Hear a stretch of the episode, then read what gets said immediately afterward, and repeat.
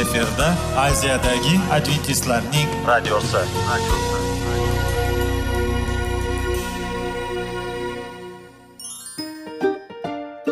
assalomu alaykum aziz radio tinglovchilar sog'liq daqiqasi rubrikasiga xush kelibsiz. Zero tananing sog'lom bo'lishi va uning kasalliklardan saqlash har bir insonning burchi hisoblanadi. Inson uchun bebaho boylik bu sog'liq salomatlikdir. Uni asrash esa har birimizga omonat qilib berilgan. Shuning uchun ham inson o'z sog'lig'ini ehtiyot qilishi va ajib amallardan hisoblanadi. Dono xalqimiz sog'liq tuman boylik deb bejiz aytmagan. Aql idroq sohibi bo'lgan inson o'z hayotini qadrlashi lozim bo'ladi. Hozirgi kunda qanchalik dori darmonlar ko'paymasin tibbiy muassa sifati shifokorlar vasiyasi tibbiy texnika yaxshilanmasin. Agar insonning o'z salomatligi haqida qayg'urmasa kutilgan natijaga erishib bo'lmaydi va biz sizlarga bizning dasturimizga xush kelibsiz deymiz.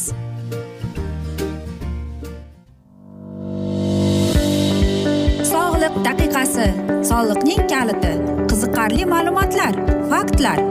Har kuni siz uchun foydali maslahatlar. Sog'liq daqiqasi rubrikasi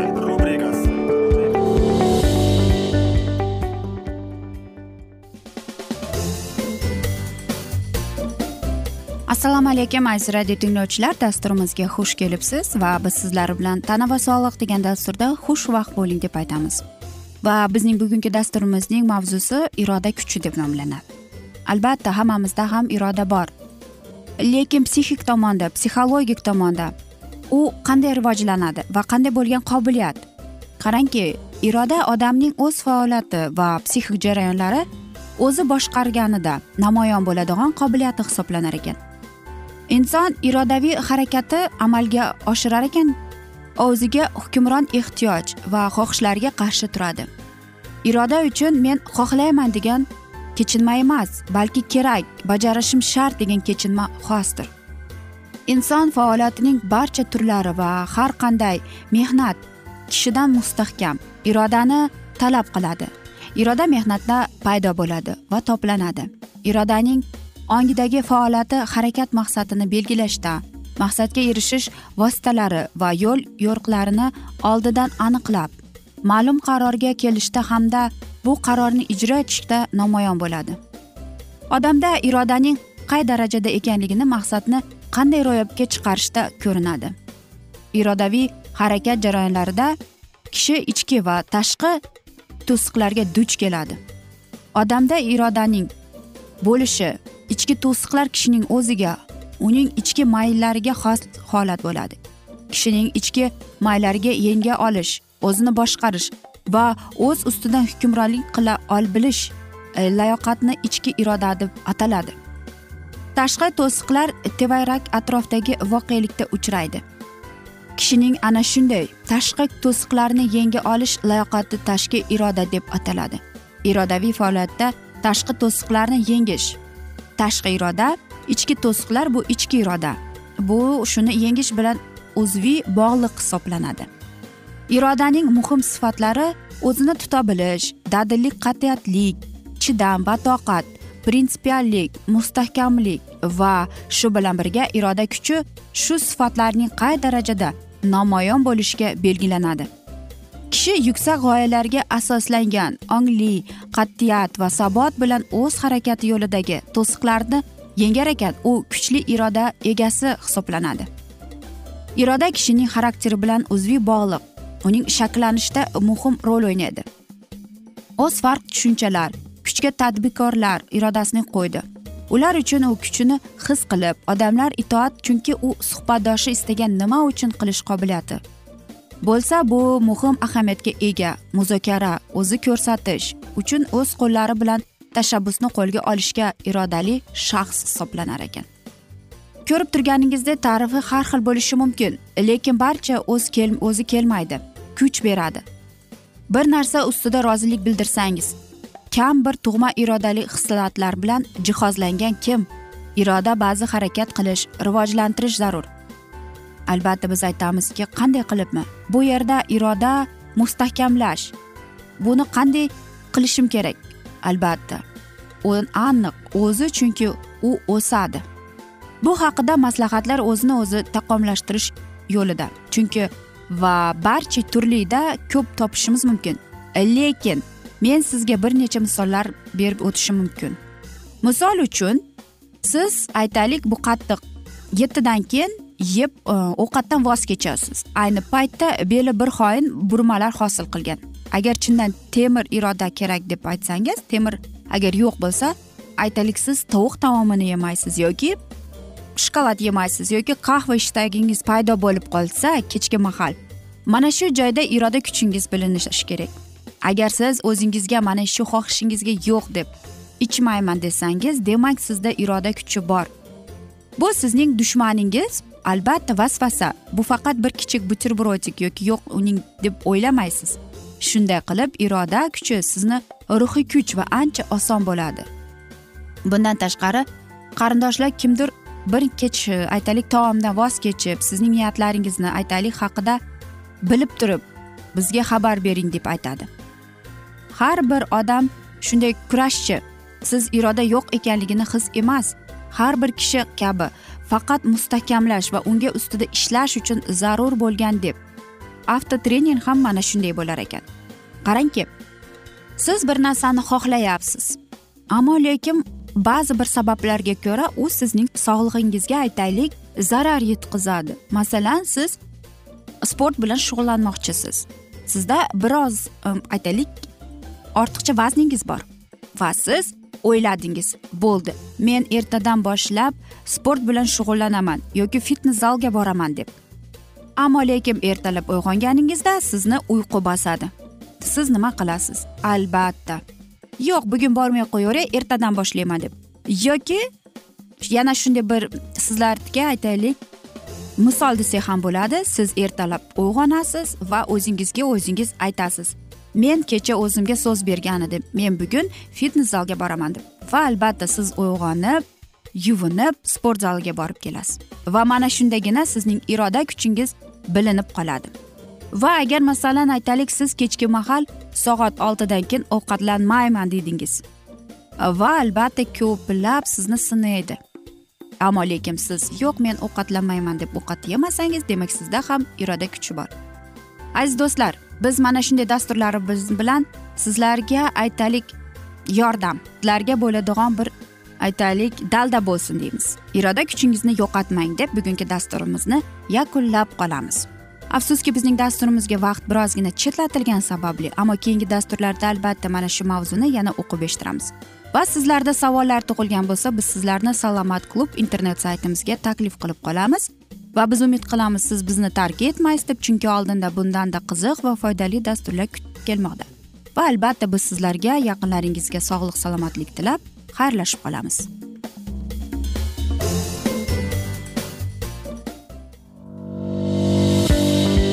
Sog'liq daqiqasi soliqning kaliti qiziqarli ma'lumotlar faktlar. Har kuni siz uchun foydali maslahatlar. Sog'liq daqiqasi rubrikasi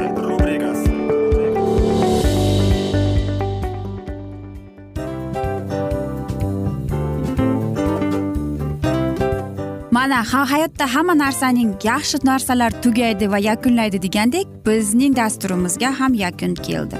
O'ylaymanki bizning dasturimiz sizga foydali bo'ldi deb aziz radio tinglovchimiz.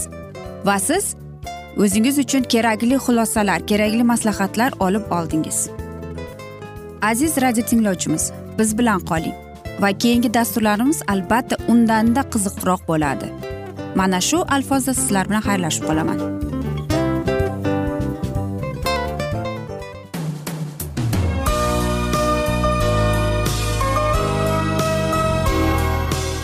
Efirda aziyadagi adventistlarning radiosi.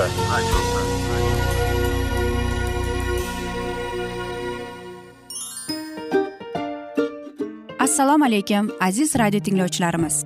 Dil izhori dasturimizga xush kelibsiz. Pul insonni baxtli qiladimi? Albatta yo'q. Sog'liqchi. Albatta bo'lishi mumkindir. Lekin olimlar shuni isbotlashdiki to'liq va mukammal munosabatlar insonlarni baxtli qilar ekan. Albatta biz hayot davomida biz yaqin insonlar bilan odamlar bilan aloqada bo'lamiz va ular bilan munosabatlarimiz qanday kechadi qanday tuziladi? Yigit va qiz er va xotin ota ona va farzandlar va yaqin insonlar bilan. Balkim hozirgi vaqtda kimnidir hayoti yoki munosabatlari buzilyapti. Va bizning dasturlarimiz ularga yordam bo'ladi deb. Va oldinda sizlarni qiziqarli intervyular va mavzular kutyapti va biz umid qilamizki siz biz bilan qolasiz deb.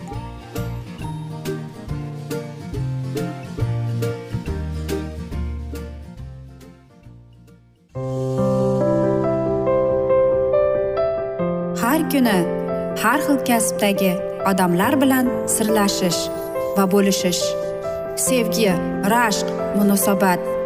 Bularni hammasi dil izhori rubrikasida.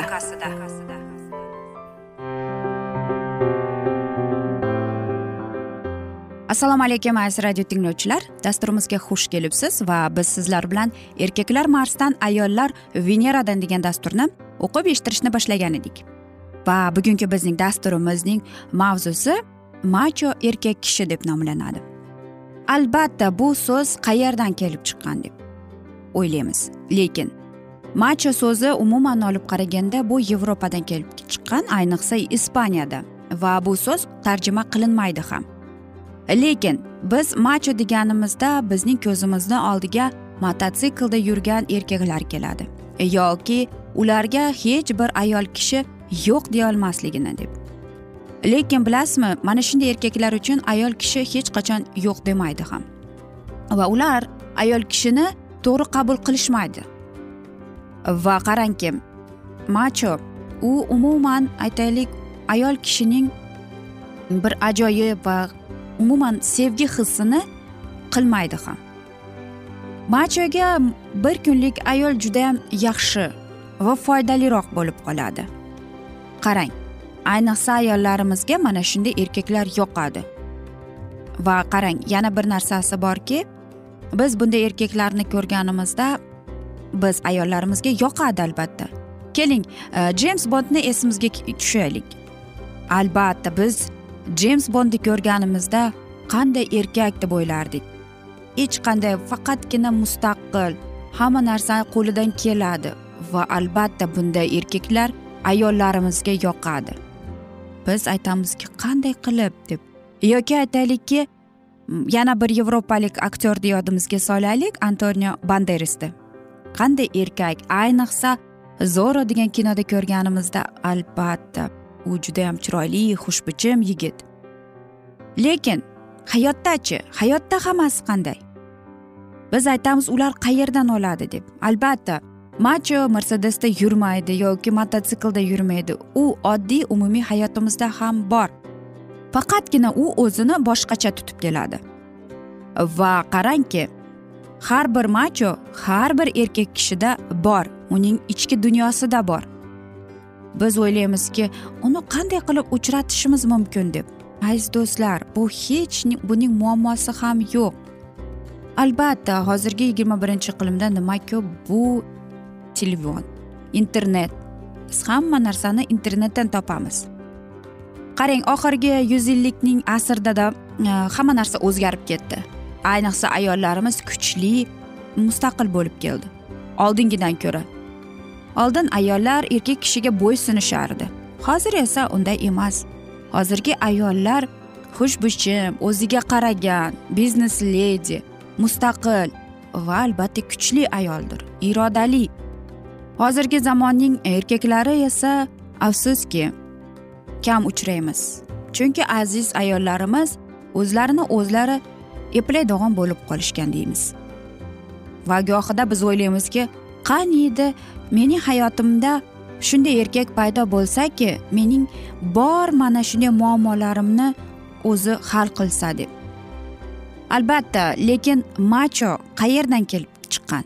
Psixologlarning aytishicha macho bu bir erkak kishining aytaylik mana shunday xususiyati ekan. Ya'ni erkak kishi e, o'zining qandaydir bir kamchiliklarini o'ylab va u o'zining go'zalligi bilan foydalanib kelar ekan. Masalan u aytaylik yuvingisi kelmaydi unga yoqmaydi. Yoqmaydi mayli bo'pti yuvinmayman. Chunki u aytadiki erkak kishi haqiqiy erkak kishi mana shunday hidli bo'lishi kerak deydi yoki ayol kishini e, bo'sab olging kelmayaptimi? Bemalol bu unda ham bor. Va u o'ylaydiki qanday qilib erkaklar bu narsani qiladi deb. Albatta macho bu har bir ayolga yoqadigan narsa va mana shunday kuchli erkakka ayolni tortib turadi. Ammo lekin keyin vaqt o'tgan sayin mana shu narsalar ayolga yetib boradiki bunday erkak bilan umumiy hayoti to'g'ri kelmaydi.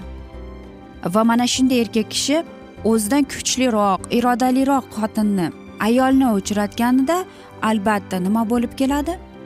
U bir biridagi mana shunday o'zida bilin bilinmas hislar uyg'onib keladi. U aytaylik judayam nozik va albatta yumshoq bo'lib qoladi. Nega bunday bo'ladi? Biz buni bilmaymiz. Balki bu sevgining ta'siridir. Balkim shunaqa. E, lekin sizlarda mana shunday uchragan bo'lsa ham aziz do'stlar men o'ylaymanki siz macho degan so'zni ishlatmaysiz deb. Qarang mana shu macho bu bolalikdan qo'yilib kelgan narsalarni ko'rsatar ekan. Ya'ni unga bolalikdan aytishmagan bu noto'g'ri erkak kishi bunday qilmaydi deb. Endi esa u ulg'ayib katta bo'lgandan keyin va u tushunib yetyapti hamma uni sevib qolyapti va u tushunib kelyaptiki unga hamma narsa osonlikcha beriladi deb. Albatta bu noto'g'ri. Lekin macho mana shu narsalarning hammasiga ko'nikib o'rganib qolgan. Masalan mana shunday erkak kishi ayol kishini sevib qolsa va u mana shu sevgidan unga ishonchlarini sevib unga g'amxo'rlik va nozik bo'lishni istasa albatta u ham mana shunday berish kerak. Aziz do'stlar hayotimizda ko'plab erkaklar bor. Macho erkak deymizmi nozik erkak deymizmi buning farqi yo'q. Erkak erkakligicha qolaverishi kerak. Va afsuski mana shunday asnoda biz bugungi mavzuyimizni yakunlab qolamiz chunki bizning dasturimizga vaqt birozgina chetlatilgani sababli. Ammo lekin keyingi dasturlarda albatta mana shu mavzuni yana o'qib eshittiramiz. Va biz umid qilamizki siz bizni tark etmaysiz deb chunki oldinda bundanda qiziq va foydali dasturlar sizni kutib kelmoqda. Va biz sizlarga va oilangizga sog'lik salomatlik tilab yuzingizdan tabassum hech ham ayrimasin deb xayr omon qoling deymiz.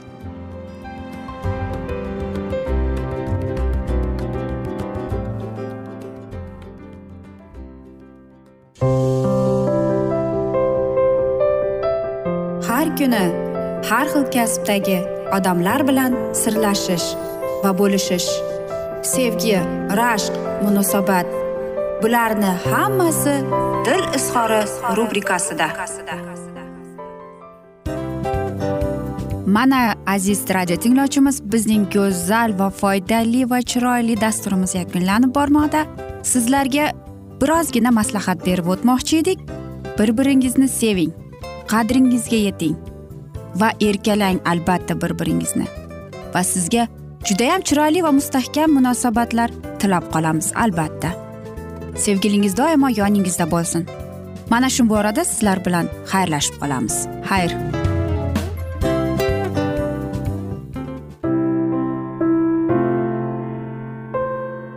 Hayotning noni. Qiziqtirgan savollar va javoblar. Buning hammasi ko'ngil uchun oziqa rubrikasida.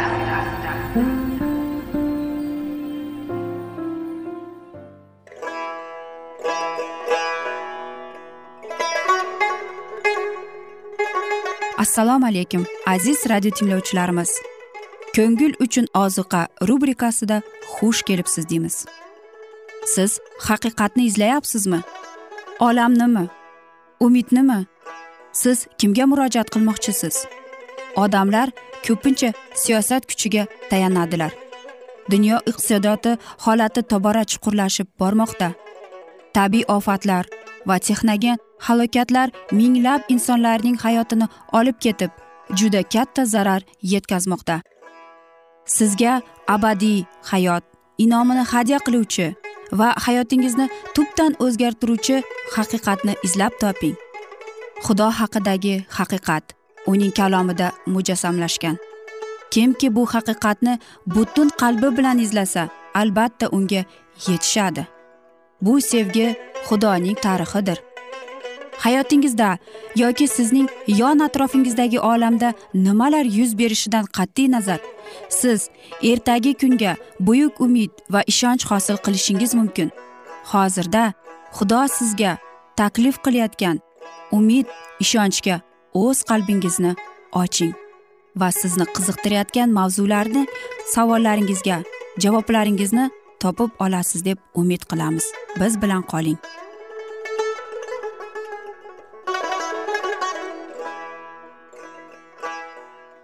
Assalomu alaykum aziz radio tinglovchilar. Dasturimizga xush kelibsiz va biz sizlar bilan ulug' kurash degan kitobni o'qib eshittirishni boshlagan edik. Va bugungi bizning dasturimizning mavzusi xudovand ibodatxonasining siri deb nomlanadi. Adventistlar e'tiqodining asosi va ustuni sifatida muqaddas bitikdan olingan quyidagi oyat xizmat qiladi. Ikki ming kecha kunduz shundan so'ng mabad poklanib asl holiga qaytariladi deb aytadi. Bu so'zlarni biz muqaddas kitobning doniyor kitobida sakkizinchi bob o'n to'rtinchi oyatida o'qib eshittirsak bo'ladi. Ushbu so'zlar rabbiyning tez orada kelishiga ishonuvchi imonlilarning barchasiga ma'lum edi. Minglab odamlar bu bashoratni o'zlarining e'tiqodi ramzi sifatida takrorlar edilar. Ana shu bashorat qilingan hodisalarda ularning eng ezgu orzu va umidlari mujassam ekanligini ular yaxshi biladilar. Mana shu bashorat kunlari bir ming sakkiz yuz qirq to'rtinchi yilning kuzida yakunlanishi aniq edi. O'sha davr adventistlarning masihiylar dunyosining boshqa vakillari singari ma'bad yerda yoki yerning biror bir qismida joylanishiga ishonardilar. Ular ma'badning poklanishi buyuk oxir zamon kunida olov tufayli yerning poklanishi orqali amalga oshadi bu hodisa. Masihning olamga ikkinchi bor kelishida yuz beradi deb taxmin qilganlar. Demak bundan masih yerga bir ming sakkiz yuz qirq to'rtinchi yili qaytishi kerak degan xulosaga chiqarilishi mumkin. Biroq belgilagan vaqt o'tdi lekin rabbiy kelmadi. Xudoning kalomi xato qilmasligini imonlilar yaxshi tushunadi. Demak ularning o'zi bashoratini noto'g'ri talqin qilganlar ammo qayerda xatolik o'tgan? Ko'pchilik shoshkorlik qil bilan ikki ming yuz kechayu kunduzni aytib bir ming sakkiz yuz qirq to'rtinchi yilda tugamagan deb taqib ziddiyatlarning oldini olishga harakat qildilar. Lekin bunday holatni isbotlab berishning imkoni yo'q. Xullas masih kutilgan vaqtda kelmaganiga asoslanish kerak. Agar bashorat qilingan kunlar bir ming sakkiz yuz qirq to'rtinchi yilda yakunlanadigan edi endi unda masih mabadi ya'ni yerni olov bilan poklangan bo'lardi. Modomki u kelmadi demak ana shu kunlar hali tugagani yo'q deb ta'kidlaydi imonlilar. Ana shunday xulosani qabul qilish bashorat davrlarning oldingi hisoblanishni inkor etishlari anglatardi. Ma'lum bo'lishicha ikki ming uch yuz kechayu kunduz artaxshaxsning qudusni qayta tiklash haqidagi farmoni kuchga kirgandan keyin ya'ni milodgacha to'rt yuz ellik yilning ko'zida boshlangan. Agar bu sana hisobning boshi deb qabul qilinadigan bo'lsa payg'ambar kitobida to'qqizinchi bob yigirma beshinchi yigirma yettinchi oyatida bashorat qilingan barcha hodisalar ko'rsatilgan muddatlarga to'g'ri keladi. Oltmish to'qqiz karra yetti yil yoki ikki ming uch yuz yilning dastlabki to'rt yuz sakson uchinchi yili masihning kelishidan oldiniga milodgacha yigirma yil yigirma yetti yilda esa uning uni muqaddas ruh orqali suvda cho'mdirish va unga yog' surtishga to'liq mos tushadi. Yetmish karra yetti yil o'rtasida yog' surtilgan halok bo'lishi kerak edi. Suvda cho'mildirgandan keyin uch yarim yil o'tgach o'ttiz birinchi yilning bahorida masih hojga tortildi. Yetmish karra yetti yili e, yoki to'rt yuz to'qson yil maxsus yahudiylar uchun ajratilgan. Ana shu muddat tugagandan keyin yahudiy xalqi masihni tamomila inkor etib uning shogirdlarini quvg'in ila boshlaydi. Shunday qilib o'ttiz to'rtinchi yili havoriylar majusiylikni qabul qildilar. to'rt yuz to'qsoninchi yil tugagandan keyin ikki ming uch yuz yil vaqtdan yana bir ming sakkiz yuz o'n yil qoladi. Agar o'ttiz to'rt yildan oldinga qarab bir ming sakkiz sakkiz yuz o'ninchi yilni hisoblab chiqsak unda bir ming sakkiz yuz qirq to'rtinchi yil hosil bo'ladi. O'shanda dedi farishta ma'bad poklanadi. Bashoratning barcha oldingi qismlari belgilangan vaqtda qat'iy amalga oshdi. Ana shu hisobda bir narsadan tashqari go'yoki hamma narsani tushunarli va o'zaro bog'liq edi. bir ming sakkiz yuz qirq to'rtinchi yili mabad poklanishi bilan bog'liq bo'lgan birorta ko'zga ko'rinarli hodisa yuz bermadi. Bashorat kunlari bir ming sakkiz yuz qirq to'rtinchi yili yakunlanadi degan dalilni inkor qilish hammasini tamomila chalkashtirib yuboradi va shu bilan birga bashoratlarning xatosiz amalga oshishi holatidan voz kechishni anglatadi. Biroq buyuk adventistlar harakatida xudo o'z xalqini boshqaradi. Uning kuchi va qudrati bu ishni boshqardi. Shuning uchun adventistlarning haqiqati soxta va mutassiblarcha harakat tariqasida sharmanda bo'lishga zulmat uni yutib yuborishga xudo yo'l qo'ymadi. Uning so'zlari noaniq va tushunarsiz qolishni xudo xohlamadi. Garchi ko'plab masihiylar bashorat davrlarining oldingi hisobidan yuz o'girib ularga asoslangan harakatning haqqonligi inkor etgan bo'lsalarda yana boshqalar aksincha o'z e'tiqodidan muqaddas bitik va xudo ruhining ishonchli guvohlariga asoslangan tajribadan voz kechmadilar. Bashoratlarni izohlashda to'g'ri va sog'lom qoidalarga amal qilinganligiga ularning ishonchi komil edi. Endilikda esa erishilgan haqiqatlarni e'zozlashni va kalomni o'zgarishda qabul qilingan yo'ldan izchil borishni o'zlarining burchlari deb hisobladilar.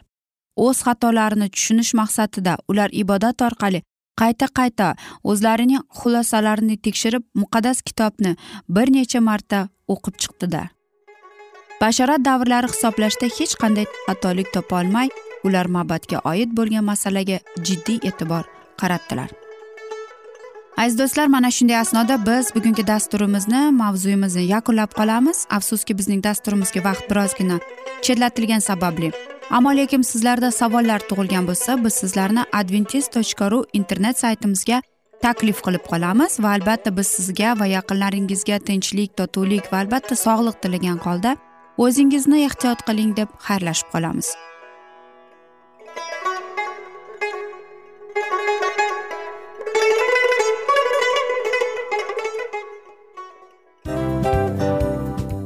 Afsus afsus.